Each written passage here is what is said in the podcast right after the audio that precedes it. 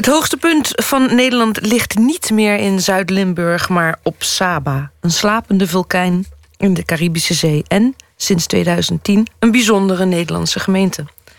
De bewoners van dit geïsoleerde eiland hadden een zwaar leven. Eeuwenlang liepen ze via trappen en smalle paden de vulkaan over. Maar in de jaren 30 namen de eilanders het heft in eigen handen. Ze bouwden de eerste weg op Saba.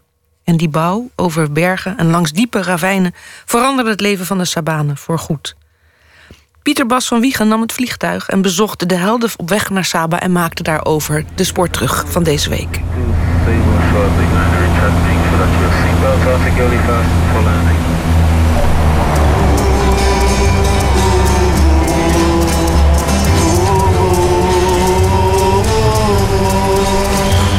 Mensen hadden een missie. Die weg moest naar Hell's en ze dachten altijd, dit zal zeker stoppen. Toen zou ze niet meer geld geven om die weg aan te bouwen.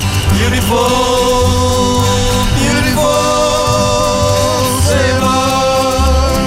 It was walking, it was happy.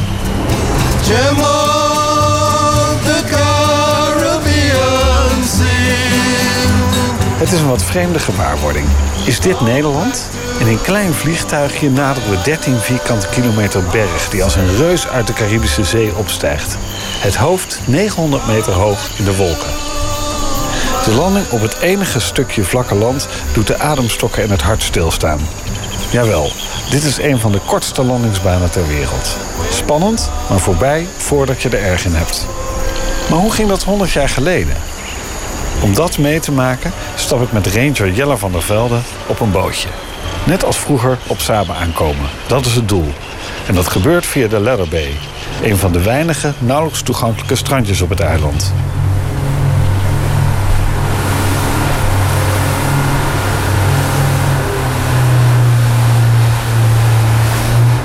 We zijn het om het eiland Saba heen gevaren en we staan eindelijk bij die Leather Bay... waar ik zo graag een, een echte Sabaanse ouderwetse landing wilde doen. Maar ik sta hier met mijn kapitein van de Seba Conservation Foundation... en hij geeft mij negatief reisadvies. Jelle, waarom niet? Nou, helaas is het strand uh, niet um, zanderig. Het is allemaal van steen met, uh, op, met algedieren opgroeien. Dus het is heel glibberig. De bemanning en ons bagage hebben niet heel veel ervaring met dit soort landingen. En ze willen dat hun um, ja, equipment droog blijft. En helaas zie ik dat niet gebeuren, dus daarom geef ik dat negatief advies. Mijn excuses, maar het gaat niet door. Oké, maar hoe deden die Sabanen dat vroeger dan? Met een sloep. Het was een sloep waarin um, zo'n twaalf man um, in pasten. Ze roeiden dus naar de kust. Ze wachten totdat er een, um, een kalm moment was... Waarmee, waarmee ze heel snel het strand oproeiden. En daarna de bemanning, uh, de mensen op het strand uh, trokken die sloep het strand op en dan konden ze alles eruit halen.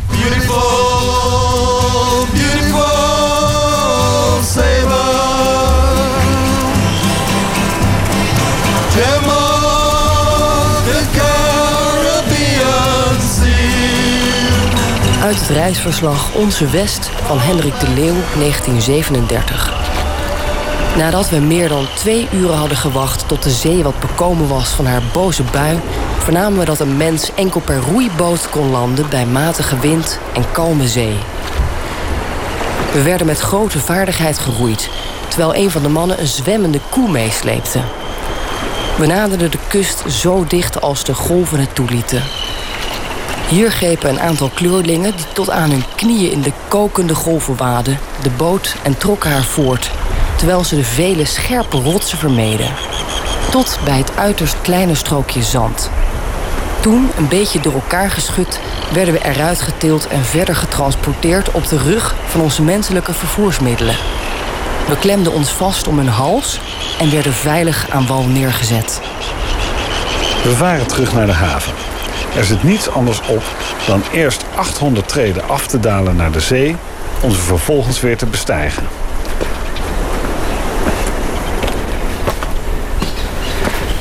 Oké, ik loop nu naar beneden langs een soort wenteltrap... die zich eigenlijk langs de rotswand van de zijkant van Saba naar beneden wentelt. En deze wenteltrap, die nu van steen is... was vroeger slechts ook een paadje Een soort verstevigd geitenpad met wat hout. Nu is het dan van steen. En eh, dan kom je aan op de Ladder Bay. Spoedig waren we gereed om de bestijging aan te vangen van den Ladder.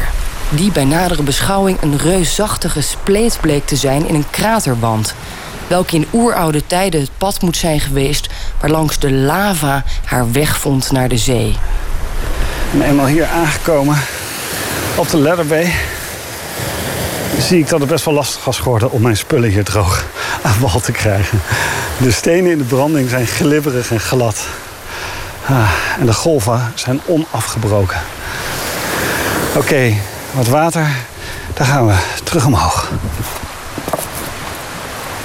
Een houten loge dat een end boven de vloedlijn was neergezet, waarbij een groepje mensen zich verzameld had, vormde het douanekantoor en de woning van de havenmeester. Alhoewel Saba zich niet kan beroemen op een haven. Ik heb geen idee of ik al halverwege ben of niet. Maar ik moet zeggen, het valt me aardig tegen. Je begint de trap beneden, waar de koele bries van de zee nog een heel klein beetje afkoelt. Maar als je eenmaal hoger komt, maakt de zee plaats voor het tropisch nevelwoud. En dat is aanmerkelijk minder fris. Ik heb geen idee of ik er al bijna ben of niet. Maar als ik alleen al denk hoe die sabanen hier... piano's en andere zware goederen... zonder pardon... naar boven tillen. Diep respect, man. Ik wil een weg en ik wil een auto.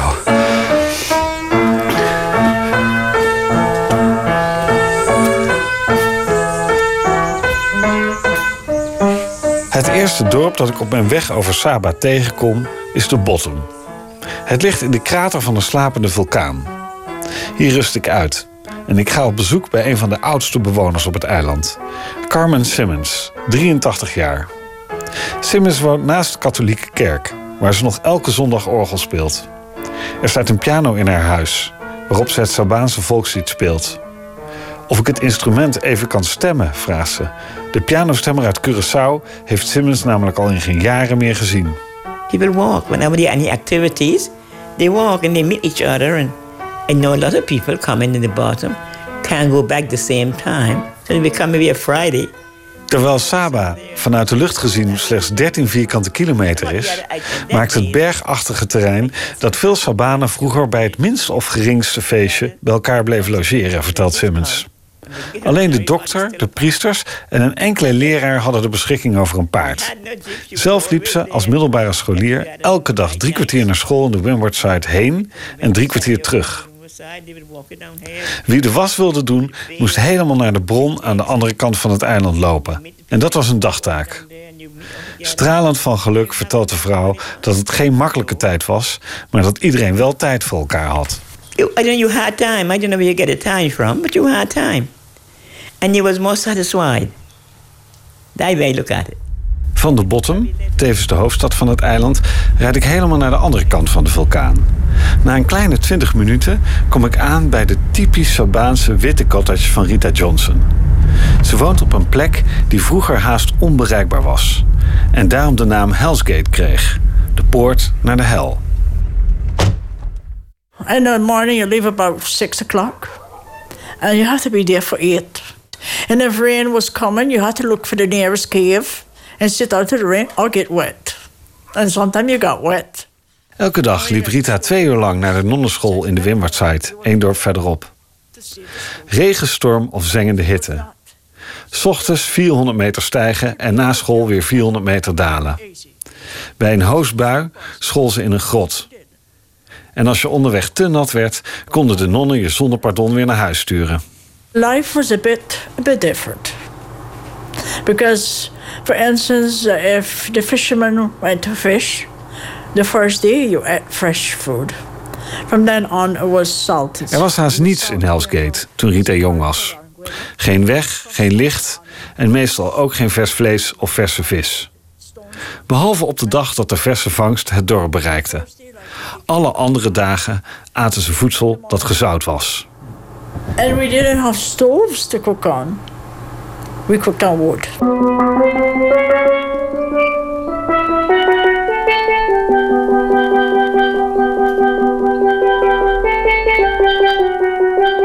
Een betere infrastructuur op Saba was een must. Zo illustreren de verhalen van Rita Johnson en Carmen Simmons. Ik ga op bezoek bij het historische geweten van het eiland, Will Johnson. De oud-politicus woont op de Level, een van de hoogste stukjes bewoond Saba. Vanaf zijn veranda zien we het hoogste punt van Nederland, de Mount Scenery, ruim 880 meter hoog. Nou ja, zien, zijn kop is zoals meestal gehuld in een dik wolkendek. Will Johnson zit ook boordevol anekdotes uit het verleden van Saba. De dorpen waren geïsoleerd van elkaar. Mijn grootmoeder, de eerste keer dat zij, zij was van Hellsgate, de eerste keer dat zij de bottom zag, zij was 50 jaar oud. En zij was onderweg naar St. Kitts, naar de dokter. Anders had ze misschien haar hele leven nooit de bottom gezien. En ik vroeg haar, maar waarom? Ze zei, nou, ik, wat, wat, wat moest ik in de bottom doen? Ik had zeven kinderen, ik moest hard werken, ik bleef thuis. De verhalen zijn een tikkeltje heroïs en klinken bijna romantisch. Een piepklein eiland met begin 20e eeuw een slordige duizend inwoners, verdeeld over vier dorpen. De donkere bevolking heeft roots in Afrika en woont vaak in de dorpen St. John's en de Bottom. De blanke bevolking heeft Nederlands, Schots en Iers bloed en woont traditioneel in Hellsgate en de Windward Side. Ze zeggen dat ze van piraten afstammen. Een echte weg op Saba, Nederlandse en zelfs Zwitserse ingenieurs zouden hoofdschuddend gereageerd hebben. The road that couldn't be built, zo wordt de weg hier nog altijd genoemd. Toch kreeg volksvertegenwoordiger Errol Hassel begin vorige eeuw het krankzinnige idee om de weg te gaan bouwen. Will Johnson. Dus die Errol Hassel, hij zei tegen de gezaghebber... Uh, de dag zal komen dat mensen op Saba uh, een auto willen hebben. Hij, hij had in Amerika gewoond en zo... en hij zag wat er daar allemaal gebeurde. En hij zei, waarom kunnen we, kunnen we niet in de begroting uh, 10.000 gulden... dat was toen een enorm bedrag... op de begroting zetten. De gezaghebber was er tegen. Hij zei, nou, Curaçao zal dat nooit... de gouverneur zal dat nooit goedkeuren. Maar hij, hij kreeg steun van die andere uh, gedelegeerden... en dus de gezaghebber werd overruled. Uh, hij, hij, hij moest het uh, naar Curaçao sturen. De gouverneur heeft dat overzien. En de koloniale raad heeft het goedgekeurd zonder vraagtekens over hoe staat zo'n enorm bedrag in de begroting van Saba. 10.000 gulden, ongehoord voor die tijd. Saba kon dus eigenlijk door een foutje echt aan een weg gaan denken.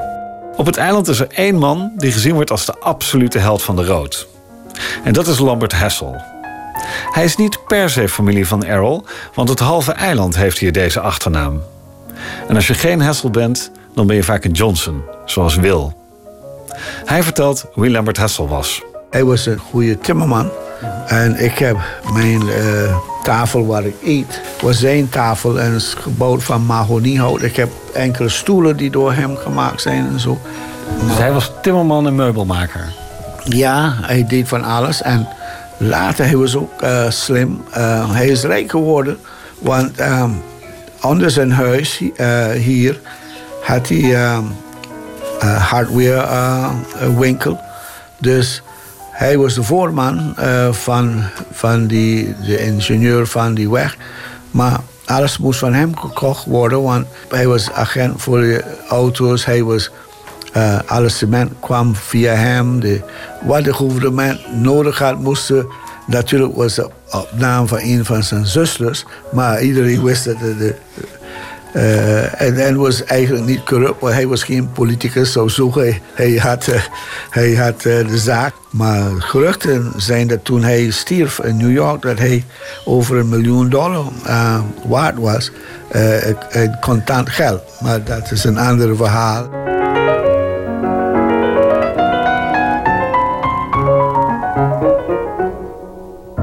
Lambert Hessel volgde een schriftelijke cursus Civil Engineering in de Verenigde Staten. En zo werd hij van timmerman wegenbouwer. Als je in de bottom zit en je kijkt naar St. John zo ver boven je hoofd...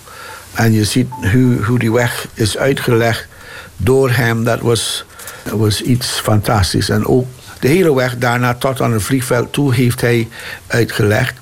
Uh, maar, uh, en dat was moeilijk. Van bijvoorbeeld tussen English Quarter en Hell's dacht men nou, we kunnen nooit een weg daar krijgen. Maar hij heeft het zo aangelegd dat je nauwelijks merkt. Als je de, de, ik heb alle foto's van.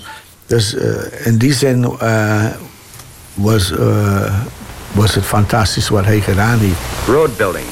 This primitive method of transporting stones on top of the head doesn't bother the Sabins. It's all in the day's work. Why be in a hurry anyway? No one's going anyplace.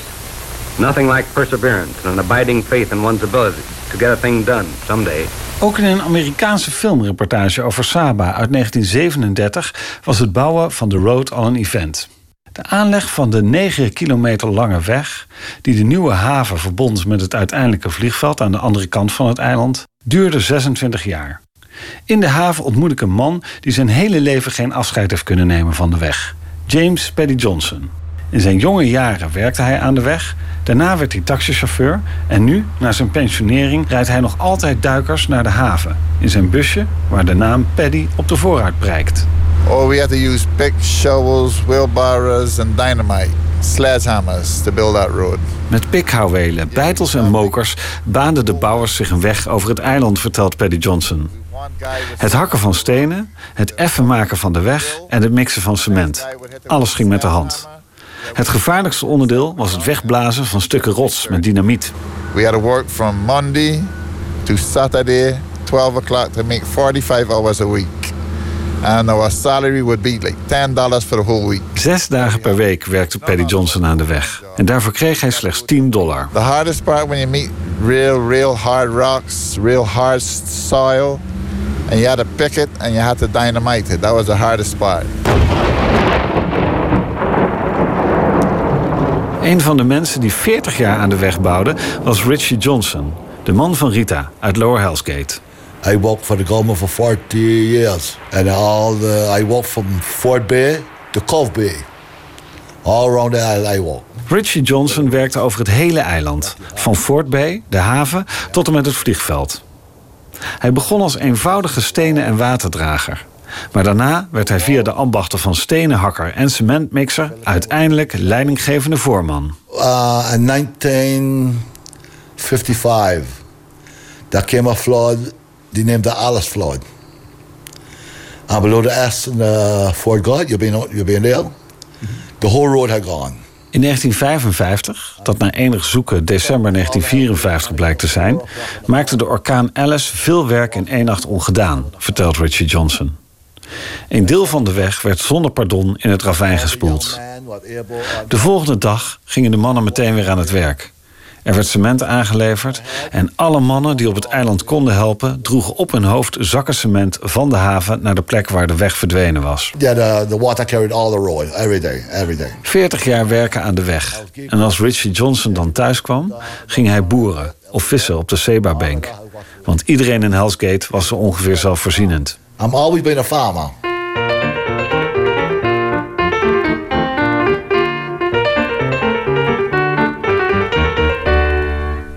Richie Johnson werkte als jongeman onder de vader van Will Johnson, die ook voorman was.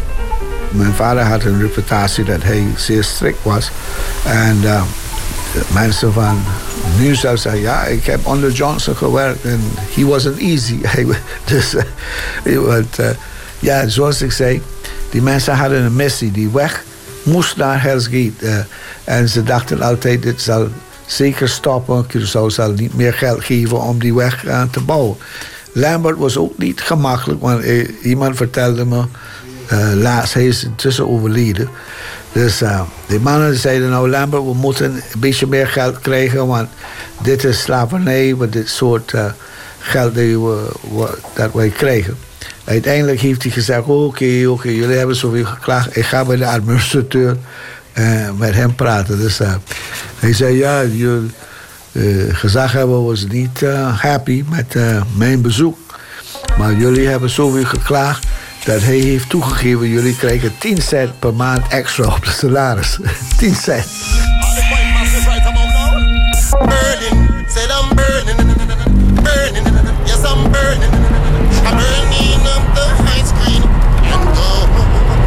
Scheur een week lang over het eiland zoals dat hier nog kan. Liftend. Ik zit achter op pick-up trucks, zit op één bil op de achterbank in kleine autootjes van mensen die pas iemand niet meenemen als het echt niet meer past. Slechts één keer stopt er zo'n bonkende bolide met geblindeerde ramen. Eindelijk een coole dancehall rasta die me mee wil nemen, juich ik van binnen. Vijf minuten later stap ik lijkbleek en kotsmisselijk uit bij mijn bestemming. Met 150 over deze weg is geen pretje.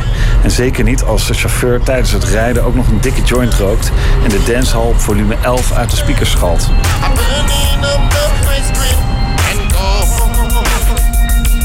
Ik ben nieuwsgierig hoe het is om aan de gevaarlijkste weg van Nederland te werken. Halverwege St. John's en de Windward zijn de wegwerkers van nu hard bezig. Ze zijn in de weer met stenen, cementmolen, bezems, kruiwagens en vlakmakers. En ze trotseren zonder beschutting de tropenzon. Ik stap uit en zie dat er nog steeds veel met de hand gedaan wordt. Andrew Martin is tegenwoordig de voorman. They're repairing the safety walls from the windward side to the bottom. Andrew Martin en zijn mannen verhogen de veiligheidsmuur. Die moet voorkomen dat je in het ravijn stort. En ze maken de bochten van de weg iets breder. Yeah, because there some accidents, some cars went over the walls. Onlangs zijn hier een paar ongelukken gebeurd... waarbij auto's hier zonder pardon naar beneden lazerden. In enkele zelfs met dodelijke afloop. Wanneer ik aan Andrew Martin vraag wat het moeilijkste is aan het zijn van voorman... hoeft hij niet lang na te denken. Zijn mannen in het gareel houden en ervoor zorgen dat ze daadwerkelijk iets doen. Well, the most complicated part is controlling the men at times. It's a very, some days it's very boring. You have to talk a lot. Het is een precies werkje, dat verbreden van de weg. De mannen bouwen een muur in het ravijn... en tussen de muur en de oude weg storten ze een mengsel van stenen en cement. Daaroverheen nog een toplaag van cement. Die strijken ze vlak met de houten lat... waarna ze hem weer ruw maken met een soort hark... zodat de autobanden meer grip hebben. Tussen de relatief jonge werknemers loopt één grijze duif. Cyril Hessel. Geen familie van Lambert, maar hij werkt als jongeling wel aan de weg. En nu doet hij dat na vele omzwervingen weer.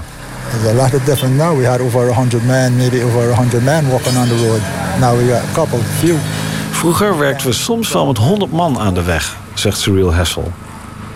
Maar nu is het werk wel een stuk makkelijker, want er zijn machines. Maar het is nog steeds behoorlijk hard werken. We never had this road. We be running up and down. We had to still have to walk. we still have to walk. Als we de weg niet hadden, zouden we nu nog altijd lopen, zegt Cyril Hessel. Met een weg alleen ben je er nog niet.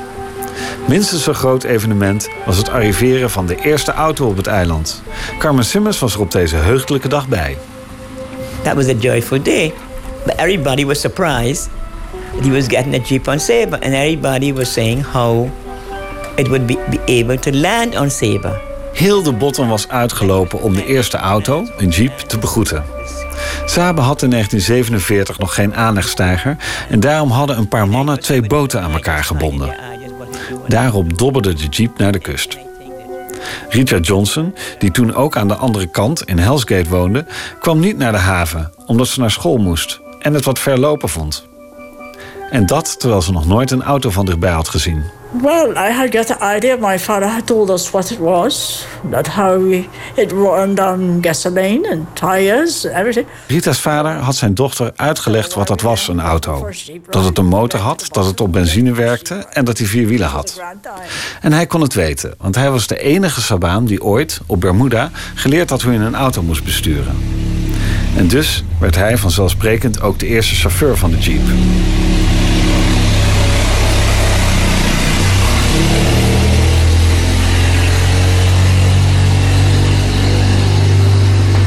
Rita Johnson herinnert zich nog hoe het voor haar was om voor het eerst een auto te horen. Well, at first you wondered where the noise was coming from. Till then you saw that what it was this jeep, and that was something great. Op het anders zo stille Saba kon Rita Johnson al van verre het geluid van de jeep horen. En als dochter van de chauffeur was ze een van de eerste kinderen die mee mocht rijden. De jeep werd voor steeds meer zaken ingezet. En al snel liepen de Sabanen een stuk minder. Will Johnson. Toen de eerste jeep hier uh, voor de administrateur kwam... Uh, het kon alleen naar de bottom rijden en zo.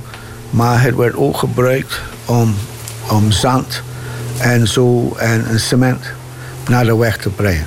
Dat was de eerste. En toen, een paar jaar later, kregen ze een kleine pick-up van dezelfde merk. Want men geloofde in de tijd dat een auto niet kon rijden op Saba, dat het te stijl was voor een auto. Dus, maar um, de, de, de pick-up, ik kan me herinneren, goed herinneren, want wij moesten ook naar de bottom lopen om naar school te gaan. En de gezaghebber uh, stond toe dat als de pick-up leeg was, dan kon je, kon je met de pick-up meerijden. Uh, heen en weer, maar er was geen geregeld transport. Dus als de chauffeur zag dat uh, je aan het lopen was als schoolkind, dan uh, gaf hij een lift. De Sabanen zijn trots op de weg die ze zelf gebouwd hebben, ver weg van het moederland. En toch krijgt de rol van de grote ontwerper Lambert Hessel nog een opmerkelijk staartje. Want wat weten we eigenlijk van de Nederlandse ingenieurs die bij een bezoek aan Saba gezegd zouden hebben dat het onmogelijk was een weg te bouwen? Men uh, vertelt hetzelfde verhaal over de haven, over het vliegveld en zo. En over de weg. Het is een goed verhaal voor toeristen en zo. Dat het onmogelijk was. En, en die dagen kwamen er geen ingenieurs langs. De enige ingenieurs die je had was bij de DOE op Curaçao. En toevallig is het moeilijkste gedeelte van de weg. Ik vond die plannen jaren geleden hier op kantoor. Maar die plannen zijn gemaakt door uh, de DOE op Curaçao. Dus een ingenieur van Nederland heeft die plan voor die S-bocht uh, gemaakt. Want toen was Lambert Hassel nog niet uh, bezig met de weg. Misschien was Lambert Hessel dus iets minder de koning van de weg dan men op Saba denkt. Maar laten we niet vergeten dat de man het merendeel van de weg ontworpen heeft en gebouwd heeft. De aanleg van de road heeft het leven op Saba voorgoed veranderd, zegt iedereen die ik langs de weg tegenkom. Het leven werd natuurlijk een stuk makkelijker. Eerst door de komst van ezels, toen door de verharde en later zelfs betonnen weg. Maar er veranderde meer. Well, I was a young boy and in Zionsville, um, we only had maybe about 15 houses over there. Paddy Johnson vertelt hoe zijn dorp Hellsgate door religieuze Sabanen officieel is omgedoopt tot Zions Hill, Godsberg. Van een armzalig gehucht met enkele huizen groeide het uit tot een heus dorp met wel 200 woningen. Carmen Simmons, de pianiste uit de Bottom, benadrukt steeds dat de tijd voor de weg vooral heel erg vrolijk was. You didn't have assistance, for instance. And when, when you didn't have assistance, you'd have to go to the bay to wash your clothes by the spring. De weg bracht Saba ook op veel andere vlakken moderniteit. Door beter transport kregen alle huizen bijvoorbeeld een waterreservoir. Niet veel later volgden wasmachines.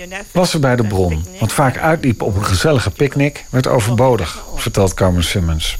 Alles werd zoveel makkelijker. No, everybody have a washing machine. And go so fast and still you don't have time. Will Johnson beaamt dat niet iedereen op het eiland even blij was met al die vooruitgang. Sommige mensen zagen het als vooruitgang, andere mensen uh, niet. Men uh, was zo gewend aan de isolatie van honderden jaren van voorouders en zo. Andere mensen die, die dachten dat die, dat die jeep was, was iets van niets en dat de mensen lui zouden worden en niemand zou uh, lopen meer en zo. En het is ook waargekomen, want met al dat lopen dat je moest doen op en neer. Uh, vele mensen stierven in 95, 93 of zo. Dus mensen werden heel oud. Nu is bijna ieder, als je bij het hospitaal gaat, is altijd vol. Want ze, ze krijgen um, geen exercise. Zoals vroeger, dat je voor alles moest lopen. En je ook je, je, je moest landbouw doen, je moest gaan vissen. Om, je had geen betrekking, banen bij, bij het gouvernement. Beautiful, beautiful,